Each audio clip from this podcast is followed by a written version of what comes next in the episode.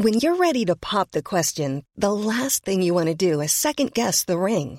At Bluenile.com, you can design a one of a kind ring with the ease and convenience of shopping online. Choose your diamond and setting. When you find the one, you'll get it delivered right to your door. Go to Bluenile.com and use promo code LISTEN to get $50 off your purchase of $500 or more. That's code LISTEN at Bluenile.com for $50 off your purchase. Bluenile.com code LISTEN.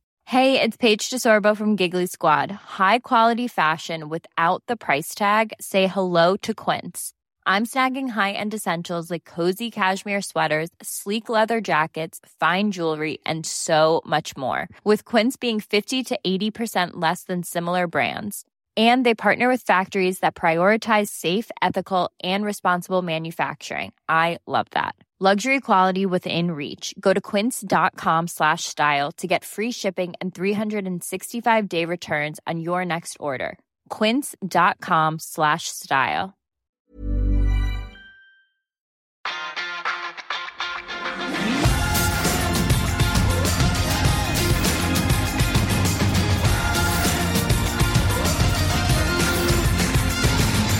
Can't believe that. Football, by the hell.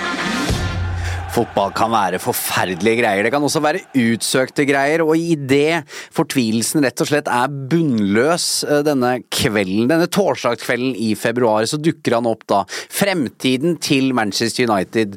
Han som skal på en måte vise vei og være lyset. Denne 18 år gamle juvelen Kobi Mainu. Han bare er der og gjør dette til eufori. Eivind og Fredrik, for en gutt. For en gutt. Jeg eh, skal innrømme en ting med en gang. Jeg um, ble så forbanna på 3-3 at jeg skrudde av TV-en og ikke la meg. Ja. Og innså ikke før jeg scrolla Twitter at Maino med store bokstaver skrevet av såpass mange måtte bety et eller annet positivt. Du gikk for den, du, ja. Jeg gikk for den varianten i går. Så Ja. eh, jeg så det ikke bare i opptak, jeg så det i opptak. Opptak, nærmest. Ja. Eh, Men selv da, selv da så var det ganske magisk. Selv om jeg visste at det kom noe magisk. Eh, nei, det var eh, for en prestasjon. Eh, og kampen helhetlig fra hans side òg. For et øyeblikk. Han danser jo ballett, Eivind. Ja, det er eh, helt enormt. Jeg mista jo det, den, den Garnaccio-skåringa. Du mister Maino. Eh, sånn er det å være far og fotballsupporter. Men eh, jeg skal gå litt emosjonelt til verks i dag. jeg. Vi hadde jo eh, live på Carls i går. Eh, overlater det til de som var der, å vurdere hvordan det gikk. Eh, nå legger jeg kanskje på litt eh, pianomusikk her. Jeg vil i hvert fall takke alle som kom. Og det er jo ingen selvfølge at folk gidder å høre på at vi tre sitter her og, og snakker om Manchester United, men i går fikk jeg se på Carls hva det betyr, hvor mye Manchester United betyr for så mange mennesker. Jeg vil bare takke for den tilliten vi tre har fått. Eh. Eh, fordi uansett hvor ræva det går med Manchester United, så ser vi at folk lytter på oss, og det er en ære. Hvem er det som har skåret løk her? Eh, Men um, Nei, det tok helt av. på Det var så gøy når eh, Kobi Maino satte inn eh, 4-3 på overtid der. Og jeg sa det et par ganger til mine kompiser på, på bordet jeg satt på, at vi har da leda med et par mål tidligere den sesongen her, og det har jo ikke gått all verdens Det har ikke gått veien nødvendigvis, f.eks. I, i Parken. Eh, og når det blir 3-3 der, så var det jo selvfølgelig et unisont sukk. Og den eh, motsatte euforien som, eh, som gikk i taket når han setter inn 4-3 der. Helt enorm. For, for dette her er eh, en litt sånn snodig fotballkamp å bryte ned, da.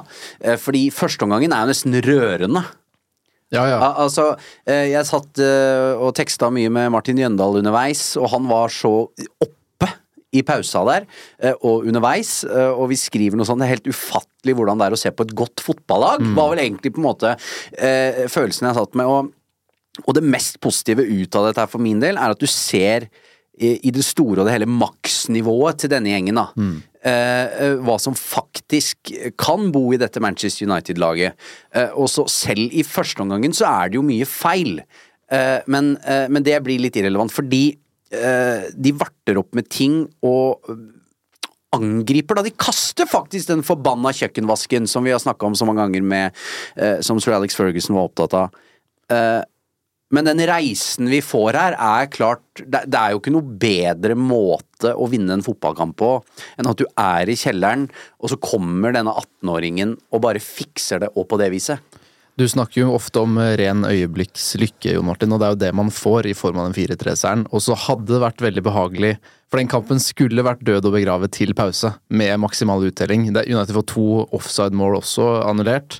Så, men, men med normal utdeling kunne United gått med, til pause med både 3 og 4-0. Det kunne vært 5 og 6 òg. Sånn, det kunne jo det. Og at det da blir som det blir, er jo Du får det beste og verste fra Uniteds verden, akkurat som vi egentlig forventer det. Vi veit at det mangler evnen til å kontrollere kamper, eller til å kontrollere inn en seier. Den, den evnen har de ikke, og det får vi se så til de grader, da. Men i motsetning til Brentford, for eksempel, så, så er følelsen etter denne her bedre. Fordi at eh, de viser på en måte et, et nivå som vi ikke har sett tidligere i sesongen i Premier League, vil jeg mene. Mm. Eh, så eh, det, Og det, det, taler for Erik Ten Hag også, ikke minst. Fordi mm. han har messa om lenge nå at dette her eh, Jeg har ikke de spillerne jeg vil uh, ha til rådighet. Jeg er skada. Jeg, jeg, klarer ikke å få maks ut av den gjengen jeg har nå, for jeg mangler så mange viktige spillere. Så får han inn Martinez, og det er en annen ro i den backrekka. Uh, han får inn Casemiro, som vi skal snakke mer om seinere, som har åpenbare mangler for øyeblikket. Uh, men det gir en helt annen trygghet mm. i det midtbaneleddet, og han gjør ting uh, som andre i det laget ikke er i stand til å gjøre. Så du ser i større grad konturene av hva Erik Den Haag vil og ønsker, om måten United skal fremstå på. Så dette her var for meg en definerende kamp det sa jeg i forkant, det sa jeg på scenen nå i, at jeg tror han er ferdig. Hvis de, hvis, de, hvis de taper i går. Ikke at han får sparken i går, men da er på en måte prosjektet litt mm. dødt. Mm. Uh, men så blir det isteden en eller annen sånn innsprøytning, da, som jeg tror er ekstremt viktig. Se for dere han, hvilke tanker som går gjennom hodet hans når Neto setter 3-3 der, på overtid. Um, hva Altså nå var de i ferd med å runde et hjørne her uh, og slå Wolverhampton på, på, bortebane, og så ender det igjen med at de skal miste poeng på en ikke bare vond måte, men det har vært en ganske fryktelig andreomgang da, eh, fram til det. Um, og så ender det med den, den uh, avslutninga det gjør. Um, litt sånn klassisk Manchester United uh, i, i, gamle dager, kan vi nesten, nesten si. Og når han da stiller på pressekonferanse, og første spørsmål handler om Kobi Maino, og han ikke griper den muligheten til å på en måte bare hylle den 18-åringen, men faktisk sier Jeg sitter her med mixed feelings, faktisk, fordi eh, dette var ikke det jeg ønska meg. Og det er en høydramatisk match som United har vunnet 4-3. Og med tanke på det hjørnet som han nå er trengt inni, så hadde det vært veldig enkelt for han å se her har jeg en mulighet nå til å hylle Rashford, som har vært eh, den store debatten hele uka, til å hylle Maino. Han gjør det etter hvert, altså, det handler ikke om det. Men at han vi, vi, klager jo, jeg i hvert fall, klager jo på det at han har, har ikke evnen helt til å, til å, snakke til fansen. Men her, her, her, skal han få et poeng av meg, fordi han eh, ikke, ikke, tar den enkle løsninga ved å på en måte nå kan dere hylle Nå kan dere hylle meg og, og mine, for, for bare se hva, hva, vi har fått til her. Han er ærlig på at det der var en veldig dårlig andreomgang. Han snakker om de første 60 minuttene som kanskje sesongens beste. Um, men bruker tid på pressekonferansen til å forklare litt hvorfor det ramler da, de siste 30. Så det syns jeg er betryggende. At han ja, han, han, det er nok mye følelser inne i Erik Den Haag, men det virker som han faktisk beholder roen, da. Og er det én ting vi trenger, så er det det. For meg er dette Erik Den Haag litt på godt og vondt. Det er noe med dette trygge, stabile. Han tar aldri av, og det, uansett hvor mørkt vi opplever at det er, så oser han en type kontroll likevel. Men når vi også har disse opplevelsene, så, så er det en anledning til å ose energi inn i både supportere og spillere. Og den evnen mistenker jeg at han mangler at det er denne spillerne også ser til enhver tid i garderoben, også etter en sånn type seier. Og da blir det vanskelig å være 100% hele tiden, da. Det er det jeg frykter litt med dette. Men jeg er helt enig i denne situasjonen her. Og ta de, ta de 60 første minuttene. Det er mulig jeg blir historieløs, men jeg tror det er årsbeste. Jeg tror det er den beste prestasjonen jeg har sett hittil.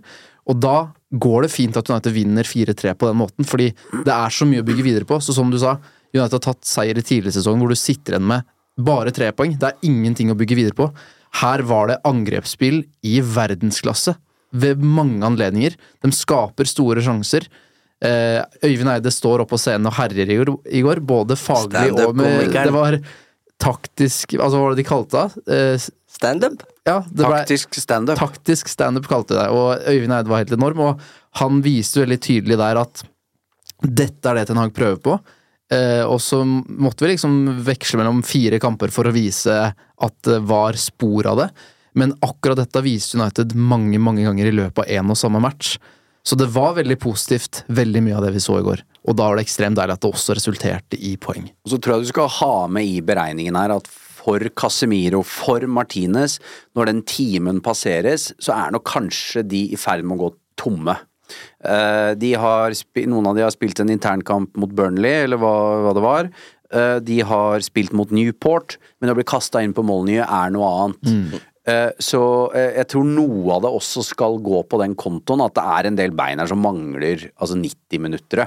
Ja, for jeg, jeg hører mange, oss inkludert, si at nå er det snart ingen unnskyldninger. Jeg mener at nå må de også bare få kamptreningen som gjør at de er rusta til å prestere og stå en hel match. Etter det så er det ingen unnskyldninger, og så er det bekymringsverdig at Martinez sitter med en ispose oppå foten Ja. etterpå. Hva har de Den rusha venter vi på mens vi sitter her. Eh, ja, for den er, eh, den er urovekkende. Um, han skal helst ikke ha smerter i det området. Han har operert to ganger nå. Nei, eh, og så er det jo dette med eh, å gjenskape nå, da. Mm. fordi eh, det vi i stor grad etterlyser nå, er jo en eller annen form for stabilitet i, i prestasjoner her. Westham er et godt fotballag, uh, kommer på Old Trafford. Eh, det fikk vi erfare da du og jeg gjorde opp status lille julaften. Det er korrekt. Eh, så, så den er jo ganske frisk til minne. Men eh, vi får eh, begynne litt her, da. Jeg sa i går at det er riktig å starte Marcus Rashford dersom han er god. Og med det mente jeg at for at Erik Den Haag også skal ha At hvis vi skal knagge dette håpet på noe, da, som vi har, vi har snakka mye om, så, så må de avgjørelsene, de store avgjørelsene han tar, være riktig. Og der har han jo truffet egentlig hele veien som United-manager på de derre disiplinære tingene, vil jeg mene. Altså med Rashford i Wolver- Wolver- Wolverhampton forrige gang, med Cristiano Ronaldo. Jeg syns han har løst Jaden Sancho øh, ganske bra. Uh, og det at han kaster han inn i går, da, uh, og så scorer Marcus Rashford det gir jo på en måte en manager tillit og viser at jeg veit hva jeg driver med. Ja, det, det ikke så, var ikke så mange som snakka om, um, om den byturen etter kampen mot Wolverhampton i går. Så sånn er det bare i fotballen. At uh, resultater og, og skåringer, det endrer det meste. Og så syns jeg det at han blir tatt av der etter 73, er det det? Det syns jeg på en måte Det er et lite Det er helt sikkert ikke et bevisst stikk fra Ten Hag, men det er en viss symboleffekt i det også, syns jeg. Ja, og jeg, I og med at du nevner eh, byttene her, så syns jeg det er mange snodige bytter, jeg, da. Når eh, det er et Wolverhampton som skal jakte redusering og utligning etter hvert, som da United mangler til slutt kontringsspillere på banen. Eh, og om de har gått tomme eh, og gitt signaler om det, det vet jeg ikke, men hvis Rashford følte at den fortsatt hadde bein, så, så syns jeg sånne bytter er eh, rare, da. Vi mangla til slutt en target man der oppe, og tempo og kontringsspillere. Vi kan ta et spørsmål fra Martin. Eh, er The Belfast Boy tilgitt? Hva tenker man om behandlingen av han kontra andre urokråker? Og du var litt innom det, Jon Martin. Jeg syns egentlig Ten Hag svarer greit på den pressekonferansen før matchen, jeg. Eh, Jaden Sancho valgte å ta dette offentlig. Det er en stor, stor forskjell altså på Marcus Rashford som nå har holdt kjeft. Altså, han, eh, Hva de har snakka om internt, veit jeg ikke, men åpenbart så må jo eh, han ha gått inn her og beklaga seg. Og så har de blitt enige om det, at dette, dette holder ikke, liksom. Og så har han jo akseptert at han får to uker i uh, ukelønner i bot. Uh, og da er jo det løst på en helt annen måte enn hva Jaden Sancho valgte å gjøre. Som legger ut dette her på Twitter eller Instagram eller hvor han uh, kjørte på. Det er jo en helt annen sak. Og, Cristiano Ronaldo som gjør et intervju med Pierce Altså, det er jo Ja, ja. to Ja, ja. Altså, det kan ikke sammenlignes. det er kniv i ryggen etter at du allerede har gitt en sanksjon, og sagt at nå legger vi det bak oss, og så kommer den overraskende på i tillegg. Og hvis Ten Hag og Rashford har sittet og prata sammen og virkelig blitt enige, blitt enige om at dette er ikke greit, men nå legger vi det bak oss, så bygger du også tillit i den relasjonen med at nå er vi ferdig med det, du starter neste kamp, nå, nå trenger jeg deg. Eh, og så er det en mulighet for Rashford til å vise at er du med, eller er du ikke med, og det viste han jo. Eh, etter fem minutter så får du svar på at ja, han, der gikk det å starte, men vis han Men jeg husker jeg tenkte på når, han skårer ikke feir på en eller annen sånn, eh, sånn hold deg til hodet eller hysj eller et eller annet. Han hadde lært. Ja, han, ja, Han leste klima. Ja, han, han leste rommet, rett og slett, og bra! Men eh, Erik Den Haag sa jo 'case closed' eh, før eh, matchen her. Ehm, og i det enkelttilfellet så, kan jo, så stemmer jo det. Nå er jeg ferdig med Belfast, liksom. Men for Marcus Rashford så, så vil jo det her fortsatt være Det er ikke noe sånn at alt er løst nå, som jeg sa i forrige episode. Det er, dette var three strikes.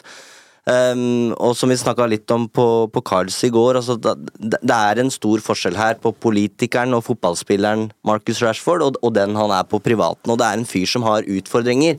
Så selv om nå han har beklaga seg og kommet inn på laget igjen og på en måte nå, nå surfer vi videre på den bølja, så, så betyr jo ikke det at alle utfordringer er løst. Dette er en en Manchester United-stjerne som, som er litt ukomfortabel i den posisjonen han er nå.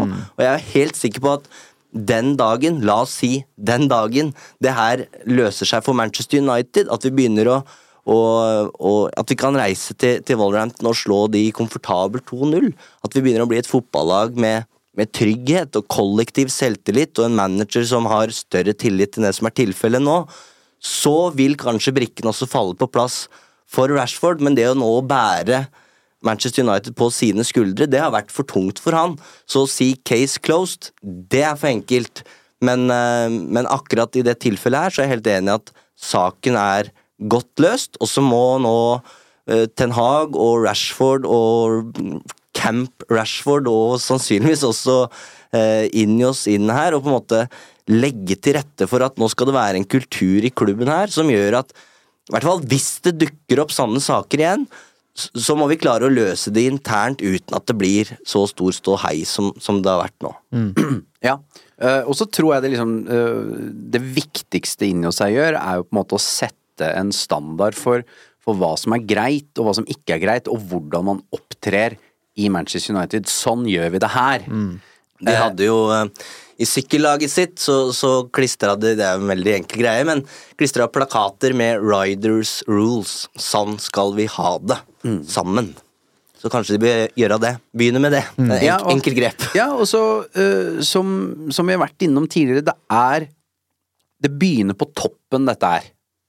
Altså, hva slags kultur ønsker man at det skal være på en arbeidsplass? Det er samme om det er her i supportklubben, på jobben, du som hører på og er på, om du spiller på et fotballag. Hva slags standarder settes det her? Hvordan skal vi ha det for å prestere best mulig? Og da begynner det hos Omar Berada da han begynner, når han starter i denne jobben. Han skal jo stake ut liksom kursen til hvordan Manchester United skal fremstå. Han har det øverste ansvaret. Så, det, eh, så skal også han jobbe med mennesker som skal- holde på med det kommersielle. Der skal det være best. Men så er det de som skal få jobben med å være director of football sammen med Blank, sammen med Brailsford. Det er et helt annet apparat der med en helt annen erfaring som skal inn og på en måte stake ut den kursen. da. Og det blir noe helt annet, for akkurat nå så er det eh, Nå er det Arnold som har vært, vært på toppen, nå er det en interim. Eh, og så blir det der vakuumet som vi har vært inne på før. For Murtog og Fletcher de har jo på en måte diffuse stillinger som, eh, som ikke staker ut noe identitet eller eh, setter en eller annen form for standard. Så dette kommer til å bli annerledes. Og det kan bare bli bra. Fordi at det er ikke sikkert de De, de sitter jo ikke på noe fasit. For fotball funker ikke sånn, men de kan i hvert fall legge best mulig til rette, da. Og det er jo det som kommer til å skje. Og da tror jeg at det blir færre spilleopprør, det blir færre klikker. eh, Fordi sånn er det her. Punktum. Og vil du ikke være med på det, så er du ferdig. Og det tror jeg Erik Den Haag har innført, men at han har vært ganske alene om det. At han har prøvd å sette en standard som ikke eksisterer i klubben eller hos sjefene over, da. Ja. Så jeg forventer og tror at når Erik Den Haag har den praten med Rashford eh, på tomannshånd, så er det at dette var siste gangen. Ja, det må Jeg, være jeg, jeg kan ikke hjelpe deg neste gang. Nei. Dette var siste gang, og jeg tror det er mange spørsmålstegn og stor usikkerhet knytta til om var dette siste gang med Marcus Rashford, men da er det opp til han. Da er det ingen Han kan ikke skylde på noen andre enn seg selv om han nå skusler bort den muligheten også. Så so far so good med hvordan dette har løst seg. Det løser seg på en drømmemåte med at han spiller og scorer, og at vi da eh, legger det Og ikke feirer. Og ikke feirer, at vi begraver det sånn. Men, men Ten Hag trenger den backingen i klubben for at han også skal lykkes, ellers så blir han spist opp av dette, hvor han blir den upopulære som tar avgjørelser som spillergruppa vender seg imot. Ja, ja, og, og tiden vil jo bare vise om Erik Ten Hag er rett mann. Altså det, det, det svaret vil vi få på et eller annet tidspunkt. Men det er, jeg tror det er viktig å huske på at det er ikke lett å, å, å slukke en brann i et hus som brenner, hvis du har ett brannslukningsapparat. Og, og det er liksom Hvem er det som hjelper Erik Den Haag? Og hjelpen er på vei inn. Og det vil i hvert fall gjøre det mye enklere for den som er manager i Manchester United, uavhengig om det er han eller ikke. Brannbilen er på vei. Ja, med svære slanger. Og, og det trengs jingle! Mountains are there to be climbed, aren't they? Hør nå, hør nå, hør nå!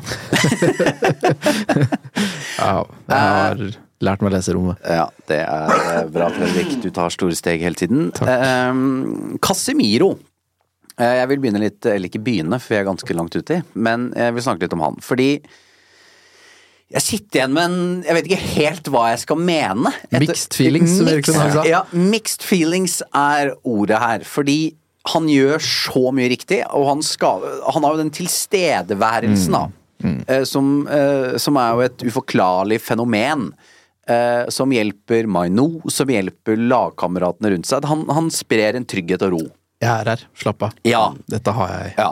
Og han lunter litt sånn rundt i ny og ne og har et snodig sted liksom, Og så får han gult kort etter to-tre minutter. Ikke sant? Ja, ja. Så det er øh, Ja, hva, hva tenker Ja, vi? du ser det beste og det verste av Casemiro i løpet av 90 minutter. Jeg syns vi ser hvorfor han skal erstattes til sommeren, og jeg syns vi ser hvorfor det er behov for han. Det er liksom vanskelig Han skal fases ut og har sine beste år bak seg. Tempo og sånn er ikke der. Men samtidig så er det ingen tvil om at han bidrar. Det er mange positive bidrag her. Det er mange viktige ballvinninger. Han eh, ligger og dekker de riktige rommene, så blir han avslørt. Han kommer igjen mot en eh, løpedueller. Eh, han oppsummerer jo egentlig den situasjonen United befinner seg i. Det er liksom Du får det beste og det verste i en og samme kamp. Eh, men at han starter kampen på en måte, da, og vil likevel Altså, han snakk om å på en måte bekrefte alle fryktene du har i forkant. Ja, ok, han treige der tar det gule kortet og kommer til å være et mareritt, og at vi sitter og frykter åssen dette skal gå. Så henter han seg likevel inn, da. Så Men tror du han forsvinner? jeg eh, tror hun ønsker å kvitte seg med den lønningsposen eh, der, og få inn noen andre. Og vi delte noe eh, f- på scenen på Cards i går, og jeg trodde at når du henter eh, Champions League-vinnere fra Real Madrid, så er det noe, i hvert fall noe du får helt gratis. Det er profesjonalitet eh, og lojalitet til treneren. Eh, Og så hører vi at det er ikke bare positive bidrag fra Casemiro inn i en garderobe som trenger positivitet. Han er en av bidragsyterne til at det er litt giftig i den garderoben, og det er ufattelig skuffende. Men så syns jeg også Øyvind Eide sier noe ganske interessant på scenen der i går. Hvem er det som som regel lager mest giftig miljø i en garderobe? Jo, det er de største navnene. Så det er på en måte det å håndtere krevende egoer, da, er jo også en del av en managers jobb. Og så blei det også en interessant eh, debatt blant publikum i går, eh, fordi ok, eh, ordet gift er kanskje litt eh, vel mye brukt i fotballsammenheng, men ok, la oss si at man i hvert fall er en fyr i garderoben som skaper uenighet, da. Men handler det ofte kanskje om at man stiller krav, altså større krav enn det som, eh, som har blitt stilt i den garderoben før, for eksempel. Ehm, og så er det jo en garderobe med det er 32 spillere som har fått spilletid av Erik Den Haag denne sesongen her, så det er, det er 32 fotballspillere som ser på han på en på forskjellig måte, og de oppfatter måte ting eh, forskjellig, da. Så jeg tror det å på en måte sette en diagnose på den United-garderoben nå er ekstremt vanskelig, og man kan jo se for seg at Varan, Casemiro er folk som kommer inn og er skuffa over at ting har blitt som det har blitt i, i Manchester United, da. Eh, og at det er litt grunnen til at de At ordet gift blir brukt der, da. For det er klart, De kommer jo fra en standard her, Ja. og Manchester United lever ikke opp til den. Og så har de ikke da gjort hjemmeleksa si, da. Da har de ikke lest seg opp før de signerte. Men det- Enkelt og greit. Men ser du den ukelønna, så er det vanskelig å si nei. Men uh, det er liksom Det er så mange måter å Det er så mange måter at dårlig stemning i garderobe ikke er negativt på. Da. Fordi For min del så Det skal være dårlig stemning i en prestasjonsgruppe som underpresterer. Eh, Jeg sier ikke at det er en haug av Premier League-vinnere i den garderoben, men det er mange mange gode fotballspillere som underpresterer. Er det ikke bare Johnny Evans, da? Nei, jeg mener altså potensielt Altså altså som sånn, er gode nok til å vinne Ja, Premier. League, da. Uh, jeg mener at det er gode nok fotballspillere til at de kan se på hverandre og tenke at vi presterer ikke. Vi lykkes ikke i vårt daglige arbeid og plukker ikke så mange trepoeng som vi burde. Mm. Og sånn skal det bli dårlig stemning av, på den måten at nå må vi, nå må vi opp i ringa, gutter. Og det er ikke giftig. Det er på ingen måte gift. Det, Nei, Det kan oppfattes sånn av andre i garderoben, eksempel. som det har blitt beskrevet for oss, da, er at han er en av de som dreper stemningen i garderoben. Og det høres jo giftig ut. Det høres ikke ut som noe som kan bidra til noe positivt. Så hvis han kommer inn og gjør seg upopulær blant spillerne fordi at han setter så store krav og har så høye forventninger til lagkameratene sine, så tenker jeg at det kan bidra til dårlig stemning, men det er i hvert fall noe positivt. Du jager etter framgang og progresjon. Det er jo en managers drøm. Men hvis det er andre som river det ned på andre måter, så er det negativt. Så her er det Vi må også passe oss for at når vi deler dette som er potensiell gift eller eh, dårlig stemning i garderoben, så må vi skille med hva handler om at vi ønsker å prestere. Nå må du skjerpe deg. Det er jo noe vi ville hylla. Mens det som gjør det vanskeligere å prestere i en eh, gruppe, det er jo gift, mener jeg, da. Og det er Ja. sånn dette har blitt lagt fram for meg. Og, ja, og så er det altså sånn, når man mottar informasjon, da, så er jo avsenderen av den informasjonen eh, Jeg sier ikke nødvendigvis at den har en agenda, men har gjort seg opp sin mening Absolutt. om noe som, ja, som de ser på som sin sannhet. Eh, Casemiro har jo sin historie om hvordan han opptrer i den garderoben. Jeg er forbanna fordi at dette her holder ikke. Eh, så eh, Og jeg syns Gary Neville sa noe interessant i den overlap-episoden denne uka, hvor de blant annet snakka om Liverpools neste manager, og ikke minst Marcus Rashfords tur til Belfast, hvor han biter seg merke i at en av de sakene som kommer ut av, om Marcus Rashford den siste uka, er eh, også helt åpenbart mennesker i og rundt Manchester United som kommer med eh, sitater som at han eh, skaper bekymring i garderoben, lagkamerater er lei av han. For da er det jo noen med en agenda som går inn på en måte for å sverte Marcus Rashford eller straffe han på sin måte. Så man må alltid prøve å tolke litt hva man leser, da. Eh, Og hører om det som skjer i en fotballgarderobe. For, fordi alle, hvis det er 32 mann, så er det alle har sin egen oppfattelse om hvordan ting skjer. I tillegg så har de kanskje tre, fire, fem personer rundt seg. Da begynner vi å snakke uh, om et tresifra antall mennesker som her uh, lager seg igjen egne sannheter. Så blir det viskelek, uh, og, så, og så, så blir det så mange ulike narrativer. Og så er det vel sannsynligvis ingen klink sannhet. How would you like to look five years younger? In a clinical study, people that had volume added with Juvederm Voluma XC in the cheeks perceived themselves as looking five years younger at six months after treatment. Look younger, feel like you. Add volume for lift and contour in the cheeks with Juvederm Voluma XC. Reverse signs of aging by adding volume to smooth laugh lines with Juvederm Volure XC. For important safety information and to find a licensed specialist, visit juvederm.com. That's J U V E D E R M.com. Not for people with severe allergic reactions, allergies to lidocaine, or the proteins used in Juvederm. Common side effects include injection site redness, swelling, pain, tenderness, firmness, lumps, bumps, bruising, discoloration, or itching. There's a risk of unintentional injection into a blood vessel, which can cause vision abnormalities, blindness, stroke, temporary scabs, or scarring. Talk to a licensed specialist to find out if it's right for you. I'm Sandra, and I'm just the professional your small business was looking for. But you didn't hire me because you didn't use LinkedIn jobs. LinkedIn has professionals you can't find anywhere else, including those who aren't actively looking for a new job but might be open to the perfect role, like me. In a given month, over 70% of LinkedIn users don't visit other leading job sites. So if you're not looking on LinkedIn, you'll miss out on great candidates like Sandra. Start hiring professionals like a professional. Post your free job on linkedin.com/people today. Denne episoden er sponset av Hello Fresh. Nå som det drar seg mot slutten av en lang sesong, trenger vi United-supportere skikkelig næring. Med gode og ferske råvarer fra Norge gjør Hello Fresh det til en lek å lage de herligste retter fra hele verden. Du velger bare hvor mange som skal spise, og hvor mange oppskrifter du ønsker ukentlig. Så får du alle ingrediensene du trenger, levert på døra. Personlig syns jeg det beste med Hello Fresh er at du kan skreddersy din egen ukesmeny. Du kan velge fra fem forskjellige kategorier. Vegetarisk, familievennlig, rask og enkel, fisk og grønnsaker, og smaker fra hele verden. Med 25 fristende oppskrifter hver uke kan du bli like uforutsigbar på kjøkkenet som Garnaccio er på Vingen. Selv må jeg si jeg er spesielt svak for asiatisk taco og den portugisiske kyllingburgeren. Som Uno-lytter kan du få opptil 1779 kroner rabatt på de seks første matkassene dine, og gratis frakt med første leveranse. Så det er bare å komme seg inn på hellofresh.no og bruke koden FreshUnited. Dette gjelder for de som ikke har prøvd Hello Fresh ennå, og for de som tidligere har vært kunde, men som har stoppet abonnementet for minst tolv måneder siden.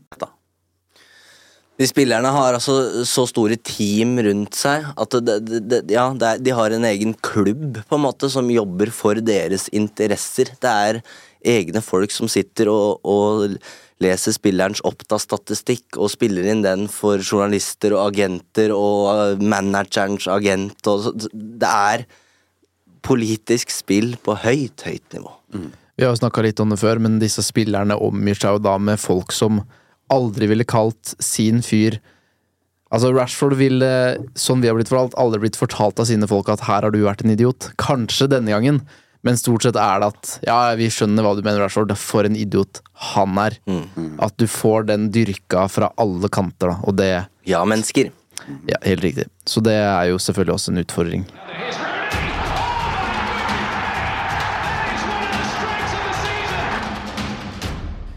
Eh, masse, masse, masse om Maino i innboksen, selvfølgelig. Daniel, tror dere Bellingham har plakater på veggen sin av Maino? Og uh, E. Amlien beskriv Kobi Maino med fire-tre ord. Nå skal jeg smelle til litt er her. Nå skal jeg trykke til litt. Gjør det. Nummer én Wayne Rooney. Nummer to Kobi Maino. Nummer tre Cristiano Ronaldo. Oi. Eh, forutsetningen for denne lista er eh, hvor gode de var som 18-åringer.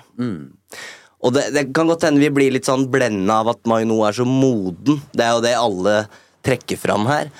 Men at han spiller på den midtbanen til Manchester United og dominerer og kontrollerer på den måten han gjør som 18-åring det er vanskelig å ta det hat tricket fra Rooney mot, eh, mot Fenerbahçe og det han leverer som både 16-, 17-, 18-åring. Han var enorm, Ja, liksom. han, han var 30 Ja. år. Han var ferdig, han, Ja. som 18-åring. Men, men det Maino driver med nå, jeg, jeg syns det er mer imponerende enn det Ronaldo leverte i sin første sesong som United-spiller. Jeg syns Ja, det, det- er kult meldt, jeg. Ja, det, det, det er det. Dere trenger ikke å være enige, Nei, nei, men, men- men jeg synes bare det å spille på midtbanen er noe annet enn å være en kant som får En Han fikk som mange ja, ja. Ja, ja. Han fikk mye frihet til å prøve og feile, da. Mens det kan du Oi, sorry, nå spytta jeg på meg. Jeg er så ivrig! Det er så deilig at du er forkjøla òg. Ja. så når du ikke er her på mandag, Ja, så vet vi hvorfor. Ja. Uh, nei, men altså, som jeg sier, bare det å gå inn i den rollen på midten United har altså leita etter en midtbanespiller i så mange år som kan ta over for Keane og Scholes her, og så kommer det en opp fra egne rekker. Nei, det, det er uh, så romantisk at det er vanskelig å, å fatte. Og det jeg syns øh, Nå begynner jeg å bli en soft, gammel mann, men det er noe med i det intervjuet etterpå, for det er jo så sjeldent eh, disse 18-åringene og de unge gutta kommer ut, men han går ut og så sier han jeg må, jeg må nesten klype meg i armen, jeg. Cobby, so special for you, your first Premier League goal. How did that feel, especially for it to be the winner? Yeah, it's a dream come true. I mean, um, such a tough place to, to come. They've had a good uh, home run here, so we had to get the win. And um, you know, I've still not come down for it. I still feel like I'm dreaming, to be honest. So you have to give me a second to come back to it. Altså, Gi meg noe deiligere enn Mank accent og, eh, og To be honest. Og, og, og en gutt som er stolt, da. Ja, det der har jeg sett. Ja, det er eh, også, også det du sier er eh, Det er ikke så sjukt å si på en måte heller, fordi han er så moden, og det, Ronaldo var så langt fra ferdig når han holdt på med de overstegsfintene sine og dribleriene på, på siden her, da han kom inn. Da så du bare at wow, dette kan virkelig bli noe. Mens Maino kommer også inn og har en tilstedeværelse og en ro og en modenhet og et repertoar som er det er på et så høyt nivå at det er til å klype seg armen av, for, for å sitere han selv. Det er den hypen i forkant av inntoget hans på laget var også så uvirkelig stor, og dette har vi vært borti så mange ganger. Jo, men det var sagt på en litt annen måte Absolutt, enn før. Men det er bare det med at hvor, hvor forsiktig vi egentlig hadde lyst til å være, fordi vi har brent oss så mange ganger med dette stortalentet som tar steget, går gradene i klubben og skal slå gjennom. Dette er virkelig den pakka som skal til da, for å faktisk slå gjennom og bli værende oppå stjernehimmelen for resten av karrieren. Han har alle forutsetninger for å bli noe av det aller største. For han er 18 år, altså. Og han er på langt nær ferdig, Ja. som Øyvind Eide er mye bedre enn oss til. Og liksom si at ja da, han er god han, men det er mye som jobbes med her.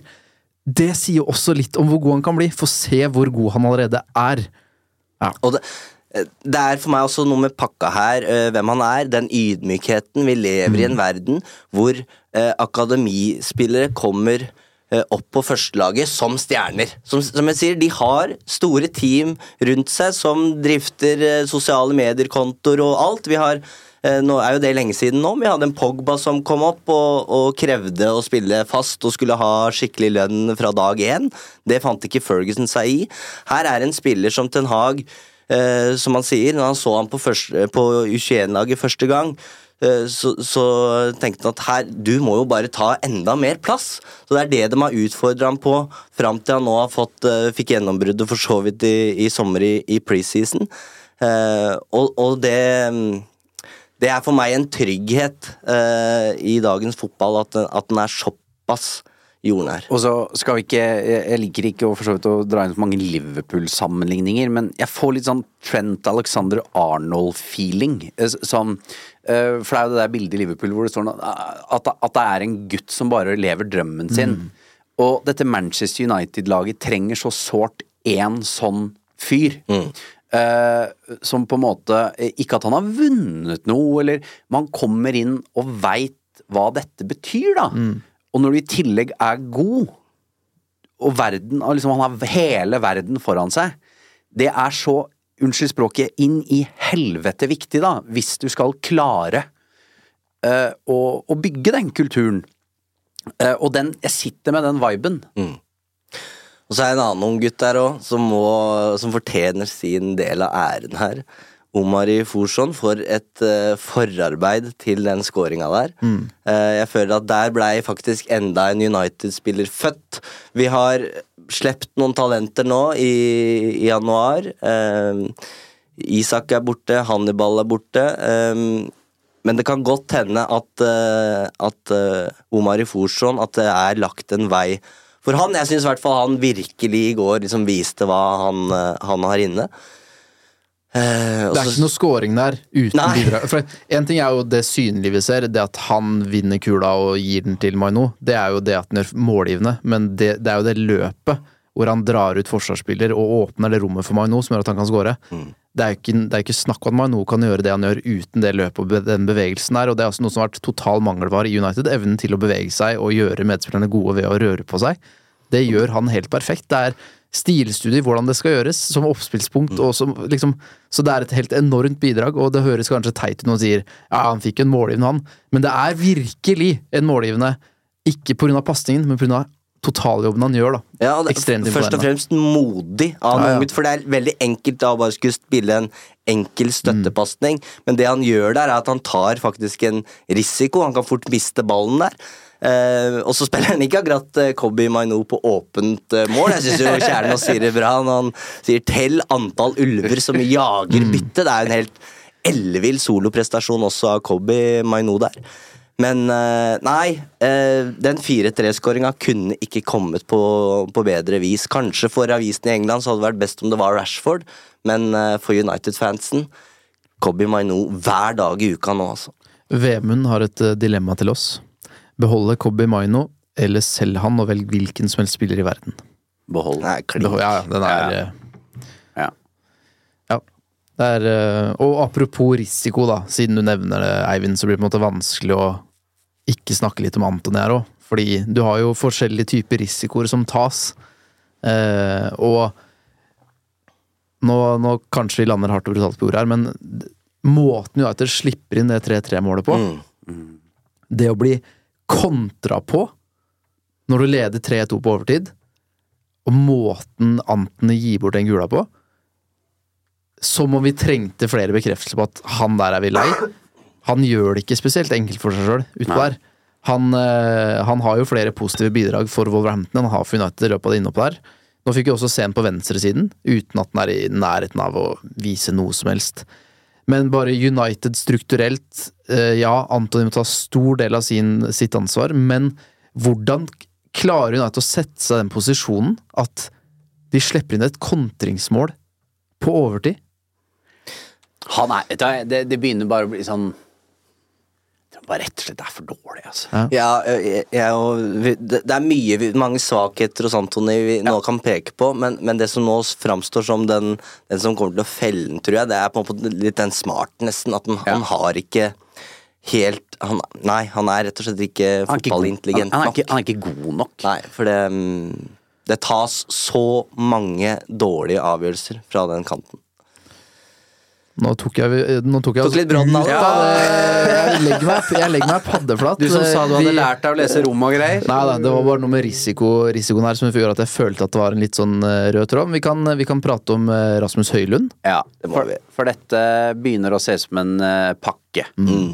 Eh, og eh, jeg sa det etter eh, Newport også. Det er noe med den eh, Når han scorer altså, det er den der, Den, den Den feiringa. der, den er ellevill. Ja, altså Carls satt og lo. Ja. Altså, det var en blanding av eh, jubel, feiring Ja. og latter når vi så Slow For motion, scener. at han ligger Ja. ligger klemt ned i gresset av en Wolverhampton-spiller og bare Ja, ja, ja. Han Men- kommer seg ikke løs, men han feirer helt enorme helt men det jeg nesten scener. syns var like bra som målet, er det der når han jager uh, Sa der. Altså, uh, som, også Nesten, kan, ja, som eh, nesten kan ende i mål, ikke sant? blokkerer i mål. Ja, og da er, det, da er vi på en måte eh, Vi har snakka om det der første presset. Altså måten han bare da gønner på med. Mm. Statsene hans begynner å se helt ok ut, altså, for å være en eh, debutsesong i, i Premier. League.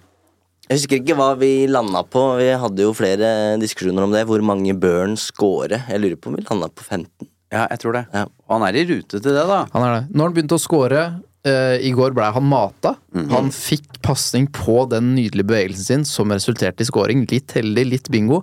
Men de situasjonene der vil du få mange scoringer ut av om du fortsetter å mate Rasmus Høylund. Når han tar og løper på blindsida av forsvareren. forsvareren. Det er det vi har mas, mast om. Nå må Rasmus Høylund mates. I går blei det, og det blei scoring ut av det. Og det kunne fort blitt flere også. Uh, og den lidenskapen, den ener energien han har det er så, Den pakka er så deilig, men vi trenger at den skårer mål. Og nå, I går fikk vi alt vi på en måte trengte fra han, og nå er han virkelig inne i en god stim. Da. Og du var jo litt redd for at han skulle gå tom for energi. At du blir litt slukt av det vakuumet som har vært på Old Trafford eh, ganske lenge nå, da. Men når, du ser den sånn som i går, så, så i fyr og flamme, så tenker jeg nei, han går ikke tom. Han har så mange reservetanker. Men mot, mot, New- etter kamp mot Newport så var jeg oppriktig bekymra igjen, da.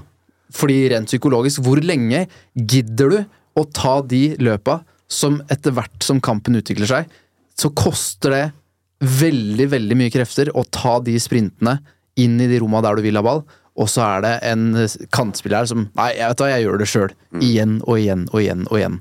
Så han trenger også å få bekreftelser fra, fra lagkameratene om at eh, vi skal serve deg, og den fikk han i går. Og da går du ikke tom for energi.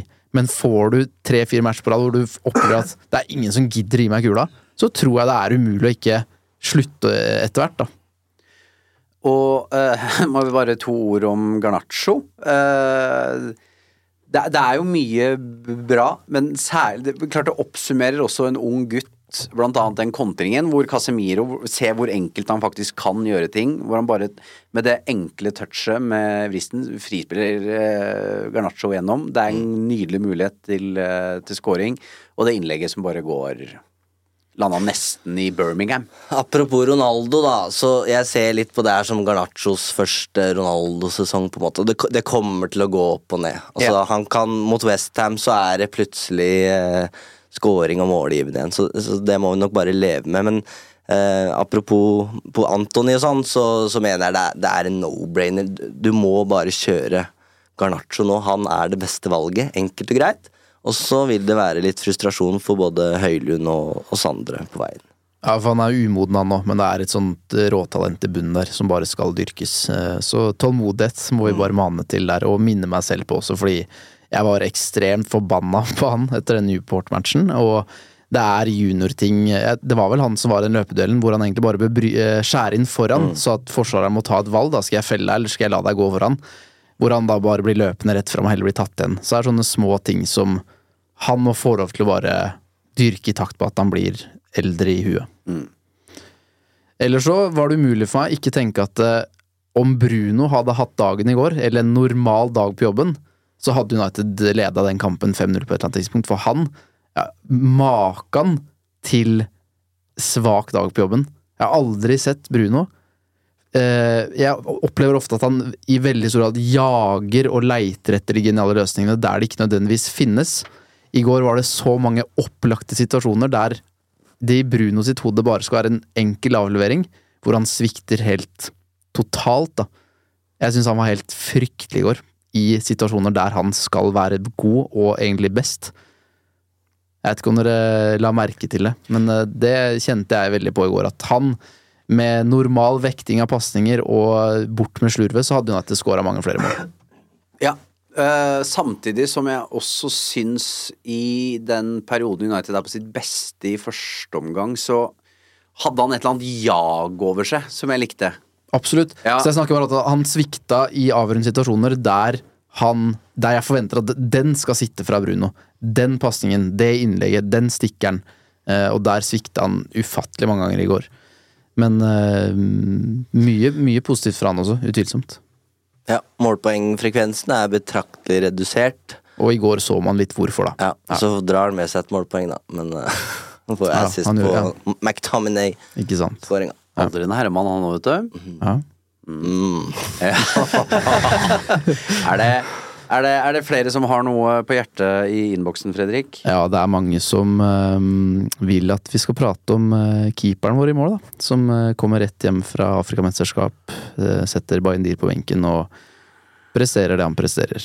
Hva, hva syns vi, og hvorfor bruker vi Onana? Gidder jo ikke slenge seg. er heldig som har Martinez, skriver Robin. Ja, han skal prise seg lykkelig over at Martinez var der. Eh, jeg må ærlig innrømme at eh, jeg stoler ikke på han et sekund, jeg. Det er null tillit der. Det er, eh, det er Det er ikke bare i ferd med å bli, det er et kjempeproblem nå. Ja, men det er jo det. Ja. Jeg ser mange også tar han på, på 3-3-skåringa. Eh, den Der er jeg mer på at Varan er helt fryktelig. Han leder Går Neto. jo gjennom beina på Ja, han. så. så, så Varan dekker jo egentlig det korthjørnet, Ja. så går han mellom beina. Så Onana skal primært konsentrere seg om det andre hjørnet, mener jeg. Der er det jo Varan som leder Neto innover. En venstrefota spiller ledes da feil vei, mener jeg, da, så jeg syns det er litt ufattelig amatørmessig av Varan. Men se på den utboksninga som er Vi kan godt diskutere om det var straffe mot Casemiro eller ikke, men de ble snytt for en klink straffe tidlig i matchen. Ja. Akkurat som i seriepremieren. Så han bare Det er så mye rart og lite tillitsvekkende. Og jeg syns blikket hans ser tomt ut òg, jeg. Det er Nå, nå syns jeg det er vrient, altså. Jeg har litt sånn uh, Barthes på sitt verste feeling. ja, altså, altså, altså sånn eh, Ja, Klums bare- i felt Det er liksom ikke noe morsomt, bare. Nei, det, er, det, er bare, det, er, det er først og fremst bare en sånn karakter i buret, liksom.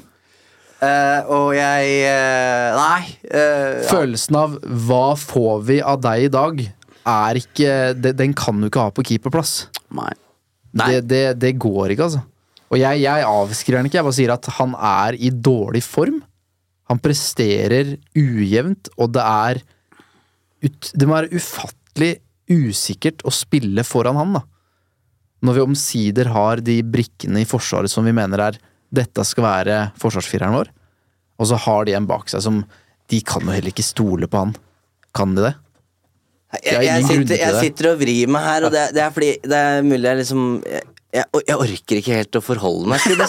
Nei, Nei, jeg er litt enig. fordi det er så mange caser i det, saket, i det laget her.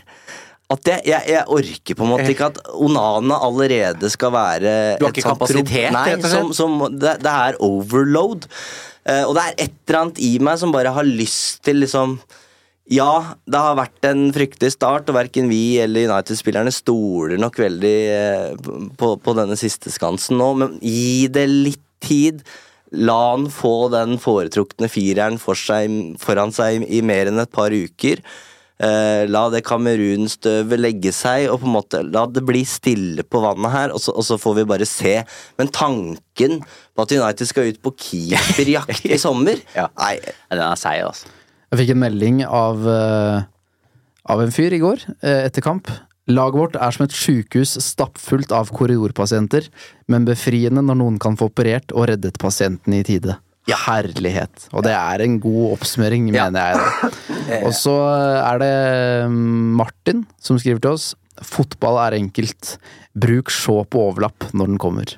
Ja. ja, ja. Og det, og, det, og, og det må vi også ha med i denne Marcus Rashford-beregningen også. Uh, hvor viktig Luke Shaw er i det offensive spillet til Manchester United. Uh, når han kommer der, uh, Rashford veit akkurat når han skal slippe den. Det, det gir et helt vanvittig løft. Uh, og da er det det bidrar altså så enormt for eh, Marcus Rashford sine prestasjoner. Absolutt. Det gir han muligheten til å trekke inn og skyte sjøl, og den Stort sett føler jeg Rashford Han har vært svak hele sesongen, men stort sett har han også operert aleine mot to stykker der ute, da. Nå, I går var det mange eksempler der United var i overtall, hvor Rashford kunne gjøre som han ville. Um, fulgte ingen sjås og slo den kula. Så det samarbeidet der er jo Det har vi sett tidligere òg, at har vært veldig bra. Vi vet det kan bli veldig bra. I går fungerte det tidvis veldig bra også. Så slutt å feste, Markus, og hold deg skadefri, Luke. Så er det veldig mye å bygge videre på der. Men eh, det var jo en relativt rolig deadline day for Manchester United. Det var ingen inn, men det var en som dro, Fredrik. Nå er eh, Isak Hansen årens dager i United talte. Han ble klar for Verde Bremen i går, og det var jo det var mange klubber som interesserte, Manchester United inkludert. De ønska svært gjerne å beholde Isak. Han hadde et kontraktstilbud derfra, men han har ikke fått noe spilletid. Han har ikke fått noen signaler som tilsier at han eh, nærmer seg spilletid for A-laget, og da tenkte vel han at det var mest fornuftig å takke ja til et av de tilbudene som var der. Verde Bremen eh, var veldig, veldig gira. Solgte inn eh, et eh, godt prosjekt til han. Skal ha vært ganske mye dramatikk i kulissen her, hvor United har hatt ganske store krav til interesserte klubber. Ganske urimelige krav. Opplevde også flere av de interesserte klubbene med en voldsom videresalgsklausul og også en veldig lav tilbakekjøpsklausul. Så vidt vi veit, Eivind, så er det ingen tilbakekjøpsklausul, men United har sikra seg ganske gode videresalgsprosenter da, ved et eventuelt salg videre. Og um, i den grad eh, folk tenker at uh, nisselua på dere hyperen bare for han er nordmann, så hører jo da Vi må bare understreke at dette er en spiller United svært gjerne ønska å beholde. Det er en, et tilbud om en ny proffkontrakt i United og langvarig kontrakt. Det er et veldig godt bevis på det. Og hvis du går utenfor Norge, så er det sånn at mange av de som følger U-lagene tett, og United tett, de reagerer ganske sterkt på at United nå har gitt fra seg et så stort talent som det Isak Hansen Aarøen er. Så øh, noen skriver sånn, ja, da får vi kjøpe tilbake han da, for 90 millioner pund om øh, to eller tre år. Eh, sier ikke at det skjer, men det er utvilsomt veldig mange som tror at den karrieren blir stor. Og da er det så at det da sannsynligvis blir Verde Bremen de neste årene. De som hørte den episoden med Jonas Johansen, som er eh, trent Isak siden han var liten gutt, de, har, de skjønner uh, hvordan dette har vært. For han syns jeg forklarte det veldig godt i den episoden. Hvordan de har opplevd utviklinga til Isak i, i, Manchester United. Og Det som er den store synden her, da, for, fra Manchester Uniteds side, er jo at de ikke leier den ut i sommer. Mm. Uh, det er uh, noe som hadde gitt mening for alle parter. Isak ville spille førstelagsfotball. Eh, ikke, ikke fortsette å, å, spille på U21-nivå, som er ganske variabel kvalitet. Eh, og det at Altså Erik Ten Hag visste at det, dette er ikke en unggutt som skal spille uke inn og, og uke ut for førstelaget, så hvorfor ikke sende han ut på, på, lån i det som ville vært hans siste år i, i kontrakt? Eh, og så kan man på en måte ta stilling til fortsettelsen etter hvert, når man ser hvordan det utlånet går. For Manchester Uniteds side her, som du sier, eh, Fredrik, så Isak har vært et av de største talentene ta eh, i akademi i lang tid. Og de har hatt lyst til å beholde han, men veien fram til førstelagsfotball her er lang. Eh, det er en fyr som heter Bruno Fernandes som mm. har kapteinspinnet, og det kom inn en i sommer som heter Mason Mount. Um, og for United, og rent nå businessperspektiv, så er jo dette en unggutt som er uh, verdt noen pund. Uh, kontrakten hans går ut til sommeren. Da ville de fått en kompensasjon uh, fordi de har utvikla Isak, men den ville vært ganske lav, og sannsynligvis da ingen, ingen store prosenter involvert hvis han selges videre fra Werder Bremen. Så de ja, som jeg sier, rent forretningsmessig mm. så gjør jo de en handel nå i januar som gjør at de sikrer seg eh, en overgangssum og en videresalgsklausul. Vi må jo da anta at de har plukka opp noen signaler her som gjør at enten så selger vi den for noen kroner nå, eller så Fin lyd der, Eivind.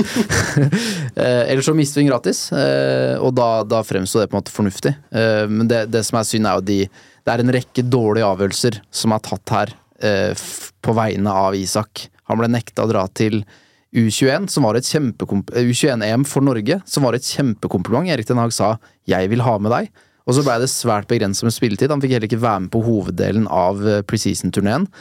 Og så er det det at de har innrømma overfor eh, Isak Etterli, så vidt jeg forstår, at sorry, du skulle selvfølgelig vært utlånt i sommer. Så de har jo strupa progresjonen og hans muligheter til å utvikle seg som fotballspiller. Så rent egoistisk fra hans ståsted så tror jeg dette er en helt riktig avgjørelse. Og så er det kjempesynd om United går glipp av en fremtidig storspiller. For det utelukker jeg på ingen måte at den blir. Det var ikke en ny jingle, det var uh, glass mot mikrofon. Vi har det på opptak, ja. så det plutselig så fikser Eivind et eller Ja, ja, plutselig er det det når vi, når vi møtes igjen. Ja. Westham neste. Westham eh, neste. Uh, og da er det Hva er det vi pleier å si?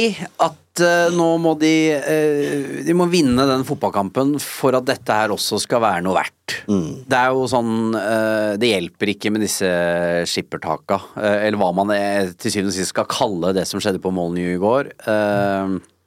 nå må de gå ut og dominere den fotballkampen mot Westham. Diktere den, styre den, og ta ansvar. Vinne. Ferdig. Ubeseira i 2024, da. 19 mål på fire kamper. Det er ikke kjedelig, i hvert fall.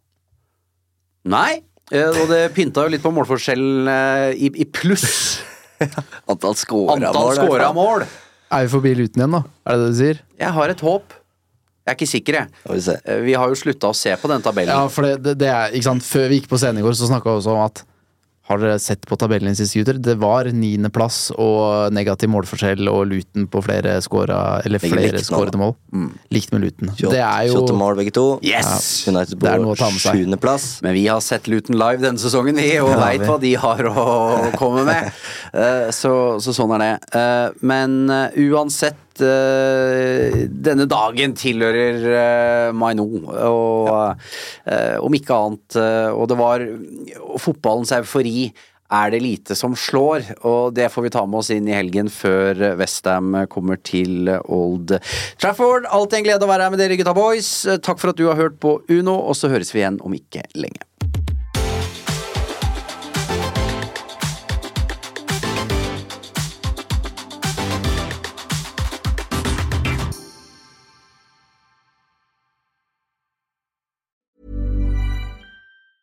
Mom deserves the best, and there's no better place to shop for Mother's Day than Whole Foods Market. They're your destination for unbeatable savings, from premium gifts to show-stopping flowers and irresistible desserts. Start by saving 33% with Prime on all body care and candles. Then get a 15-stem bunch of tulips for just $9.99 each with Prime. Round out Mom's menu with festive rosé, irresistible berry chantilly cake, and more special treats. Come celebrate Mother's Day at Whole Foods Market. Mom deserves the best, and there's no better place to shop for Mother's Day than Whole Foods Market. They're your destination for unbeatable savings, from premium gifts to show-stopping flowers and irresistible desserts. Start by saving 33% with Prime on all body care and candles. Then get a 15-stem bunch of tulips for just $9.99 each with Prime. Round out Mom's menu with festive rosé, irresistible berry chantilly cake, and more special treats. Come celebrate Mother's Day at Whole Foods Market. Target.